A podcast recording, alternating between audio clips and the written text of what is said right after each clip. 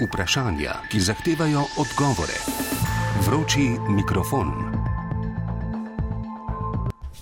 Lepo zdrav vsem, ja, od 15. do 27. julija lani je trajal boj z do zdaj najhujšim požarom v naravi pri nas, ampak ker se danes ne mudi samo kolesarjem, temveč tudi vročemu mikrofonu, takoj pozdravim gosta v studiu, to je Srečko Šestan z Ministrstva za obrambo. Dobrodošli, gospod Šestan. Dobar dan. Vedno trdite, da se reševalci ob vsaki nesreči nekaj naučite. Uh, pa mi pred poletjem, v katerem se, kot rečeno, bolj bojimo poplav kot požarov, opišite, kaj ste konkretno storili po kraški katastrofi, po analizah, po kakšnih konkretnih vajah, kaj ste se naučili od samega kraškega požara. No, vsaka, kot ste rekel, vsaka taka, bomo rekel, dogodivščina, če smem tako reči, prinese nekaj pozitivnih, pa tudi seveda kakšno negativno stvar in na analizah, ki jih opravimo po vsaki večji nesreči, seveda te stvari evidentiramo, si jih zapišemo, prvič kot neke primere dobrih praks, da so to tudi za naprej, pa tudi seveda veliko takih stvari, ki jih želimo izboljšati. E, pa to ni rečeno, da delamo slabo, ampak vedno so mesta za izboljšanje. Tako, vedno se da bolje in tudi temu stremimo in seveda z temi predlogi, ki jih zapišemo, jih poskušamo ali pa jih implementiramo tako v programe usposabljanja, tako pri izvajanju kakšnih vaj, ne bo to državnega ali pa lokalnega pomena, pa seveda tudi v načrtih zaščite in reševanja. Tako da tudi iz tega požara lani smo veliko teh stvari zapisali, veliko se jih že, bom rekel, implementira nekatera seveda bodo pa morali morda počakati. No, ampak nobena vaja verjetno ne prinese toliko kot dejanski dogodek, dejanska katastrofa. Uh, vi imate tule nekaj izsledkov analize, pa uh, primeri dobrih praks, ker ste samo kritični, očitno niso tako obsežni kot tisti drugi, bom rekel, ki, ki jih predlagate, da bi bili še potrebni izboljšav. Eh, ja. Pa povejva nekaj primerov dobrih praks iz tega kraškega požara. Morda samo enih par, ki smo jih evidentirali. Uh, kot se sam rekel, na primere dobrih praks imamo na slabih dveh straneh eh, te moje prezentacije, medtem ko imamo pa predlogo za boljšav na vsaj na petih, šestih straneh. Ampak, se, kot, kot pravim, veliko stvari je takih, ki se jih da eh, z relativno majhnimi, tako finančnimi kot drugimi resursi narediti, več nekaj pa tudi takih, ki seveda eh, zahtevajo čas in pa še kaj drugega. No, pa če samo enih par primerov dobrih praks in tu se bom rekel, že leta eh, tudi eh, vzdržuje in uveljavlja. Eh, državni načrt je namenjen temu in prvi, ki je bil narejen na ta način, je bil ravno za požare v naravi. Pomeni, da nam omogoča, ko je aktiviran uporabo sil iz celotne Slovenije, na določenem območju, tukaj je seveda za kras, gre pa lahko tudi za druga območja. Pred 20 leti ne, se je ja, to zgodilo. Mislim, da je bil 2003 narejen, so prvič, na temu so sledili potem tudi drugi načrti za druge nesreče. Tako da ta pomoč, ko je aktivirana skozi ta načrt, se potem seveda pokriva te neposredne stroške, mi temu rečemo, iz naslova proračuna državnega.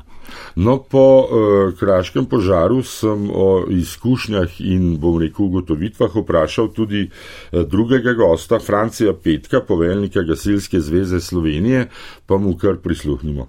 Gospod Petek, glede na to, da ste uh, bolj operativne sorte, ne, vas bom kar, uh, bom rekel, naravnost udaril z vprašanjem, če bi recimo to, kar se je v mestnem dogodku od kraškega požara do danes zgodilo, imeli že lani na razpolago ali bi recimo omejili požar prej kakšen dan, moga, mogoče dva? Vsekakor. Ne rečemo brez veze, da začetni požar lahko pogasimo s kozarcem vode. Če zamudimo minuto, dve, pa je tudi cisterna lahko premalo. Tudi na krasu, če bi imeli v tistem začetkem, začetnem delu uh, dovolj močne zračne zmogljivosti, to, kar bom upam vsaj v letošnjem letu že imeli, eh, bi vsekakor tale požar veliko prej omejili in bi niti približno ne bi imel takih razsežnosti, kot jih je imel na koncu. Eh, Ponovadi so vedno največje težave z denarjem. Če vas prav razumem, eh, tule obljube, vsaj v, v smislu financ, niso bile požrte, da so prej kakšni, kje druge, kakšni problemi še ostali.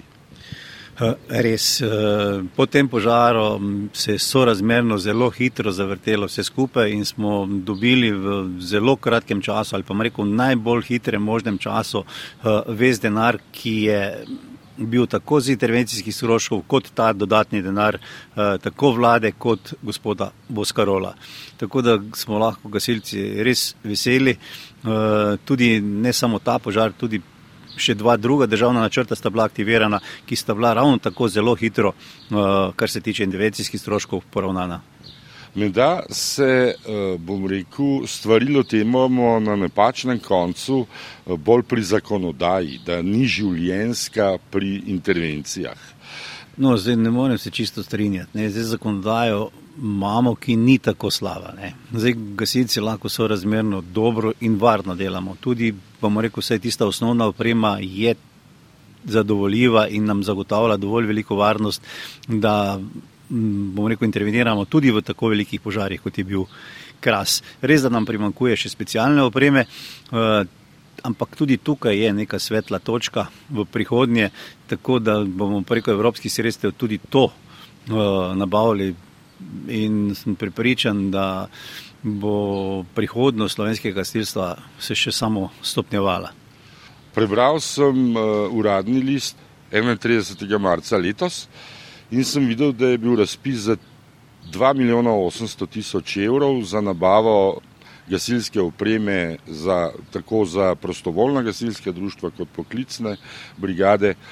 Pa me zanima, je to normalen razpis ali je kaj uh, bolj radodaren razpis bil in predvsem to, ker gre za, uh, pravzaprav za nazaj za obdobje poplačila ali morajo ta društva potem nekako kreditirati uh, državo. Ja, to je že, bomo rekel, večletni razpis. To razpis je že več kot deset let. Višina sredstev se je zelo spremenjala. Začeli smo z milijon sedemsto, potem smo padli na 900 tisoč, no zdaj na srečo se vsako leto sredstva povečujejo, tako da so se tudi letos povečala za uh, eh, 200 tisoč evrov, tako da je, tako kot so rekli, 2 milijona 800 tisoč namenjeno za sofinanciranje gasilske opreme. Res je to za nazaj. Se pravi, po kriterijih Eh, ki so v tem razpisu, lahko društva kandidirajo za sofinanciranje gasilske opreme, ki so jo v minulem letu kupile, vendar morajo tudi izpolnjevati določene pogoje. Se pravi, mora biti v skladu s tipizacijo, mora biti dolgoročni plan. S tem smo mi tudi naredili kar veliko reda. No, zdaj se nam dogaja, da prva letala že prihajajo. Mislim, da bo prav jutri, danes je sreda 14. Ja, jutri 15. bo prispelo drugo Air Tractor letalo.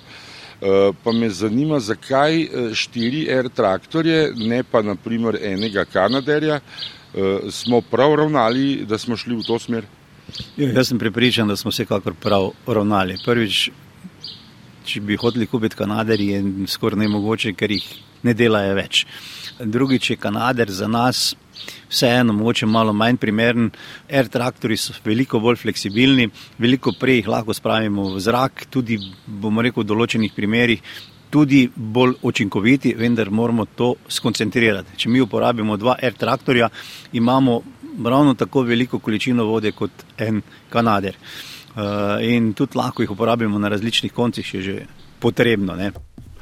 No, tole je bil torej pogovor s Francijem Petkom, poveljnikom Gasilske zveze Slovenije. Na zadnje smo tule skupaj, gospod Čestan, sedeli prav med kraškim požarom in vmes smo poklicali tudi kriznega komisarja Evropske unije Janeza Lenarčiča. Takrat se je nam reč najbolj zalomilo ravno pri tuji zračni pomoči pri, pri gašenju. Zdaj smo torej šli v nabavo teh air traktorjev. Pravite celo, da smo imeli nekaj sreče, da se bo, uh, bom rekel, vse skupaj vzpostavilo prej, kot bi se uh, normalno. Ja, jaz verjamem, da res, ker eh, tako hitra dobava, eh, kot smo jo izvedli, odnosno kot so jo izvedli naši eh, na logistiki, seveda je presenečenje in to pozitivno presenečenje. Torej, za enkrat štiri letala, eh, dve dvosedežni eh, bosta tako rekoč jutri, ne, eh, že na naših tleh. Ja, po zadnjih informacijah pride ta drugo ponedeljek, A, ponedeljek. ampak nič ni narobe. Eno je pa že na Brniku, je v postopku registracije, dve sta pa po pogodbi dobavljivi v drugem letu. Tako da to je tista neka optimum, minimum optimuma, ki smo ga ocenili, ocenili, da bi potrebovali, je pa še v rezervi, bomo rekel, možnost dobave še dveh letal v kasnejšem obdobju, ampak. To je še v oklepaju. Tako, upam, da ne bo potrebno. Eh, no, gre, gre za torej, manjša uh, gasilska letala Air Tractor, kot je omenil že gospod Petek. Uh, mislim, da je razpon kril 18 metrov, dolga so 11 metrov, visoka 5 metrov, potrebujejo pa na kopnem od 600 do 1000 metrov dolgo stezo vzletno. Lahko pa vzletajo tudi z vode, ker imajo tako plovce kot kolesa za pristajanje, lahko vzletajo z vode, tam je pa mislim, da od 670 do 1700 metrov Eh, površine potrebuje za vzlet. Eh, to je torej eh, preštudirano najboljša varijanta, kar zadeva Slovenijo, samo njene geografske posebnosti. No, jaz bi se tle s Francijo seveda strenjal. Mislim, da je to bila, bom rekel, varijanta, ki je najbolj optimalna za naše razmere, tudi za naše vode, pa ne na zadnje ta letala brez plovcev, se napolnijo z gasilsko opremo v zelo kratkem času in so primerna za polnjenje vode na letališčih z omejitvami, ki ste jih povedali glede stez. Ja, pa 3000 uh, litrov no, vode. Do 3100 litrov vode, seveda ja. to je odvisno od eh, skupne teže eh, goriva in vode. Eh, vemo, da pri rekel, teh plovilih zračnih je omejitev skupna teža, ampak 3000 litrov lahko računamo, tako da jaz sem prepričan, da bo to zelo dobra rešitev za naše razmere.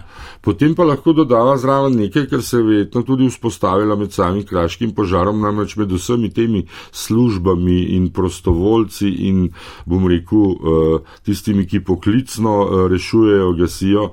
Eh, še nekoga boste morali povabiti, zdaj, ko imamo letala, nekega navigatorja na terenu ali kako se temu reče, nekaj med kontrolorjem letenja in gasilcem. No, tako, ne, bo, ne, ne gre za povabilo, to dobro vemo, to smo, bom rekel, v nekaj požarih tudi predtem eh, prakticirali. Eh, enkrat smo imeli Hrvata za ta namen, enkrat smo imeli Italijana na Sveti Gori, eh, tudi zato, ker so njihova plovila sodelovala. Eh, to so tako imenovani usmerjevalci, vojaško in rečejo usmerjevalci ognja, te profili že v slovenski vojski obstajajo, seveda so na, za drugi namen ampak za ta namen se jih da seveda nekom, v nekem času prešolati, tako da lahko oni, bom rekel, organizirajo oziroma urejajo ta zračni promet, če smem reči na požarišču. No, v tem primeru na Krasu smo imeli tudi eh, enega pilota iz slovenske vojske, ki je to zelo dobro opravljal, brez, bom rekel, jaz mislim, da je brez nekih posebnih usposabljanj.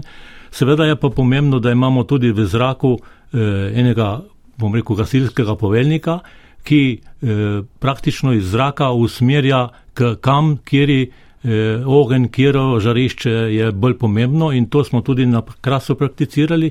To nam je omogočila tudi eh, policija z njihovim helikopterjem, v katerem je bil prisoten ta gasilc, ki je to, bom rekel, iz zraka izvajal. Potem je pa seveda ta na tleh, ki je pa koordiniral vse te zračne sile, eh, delal pa po tej, bom rekel, pilotski strani.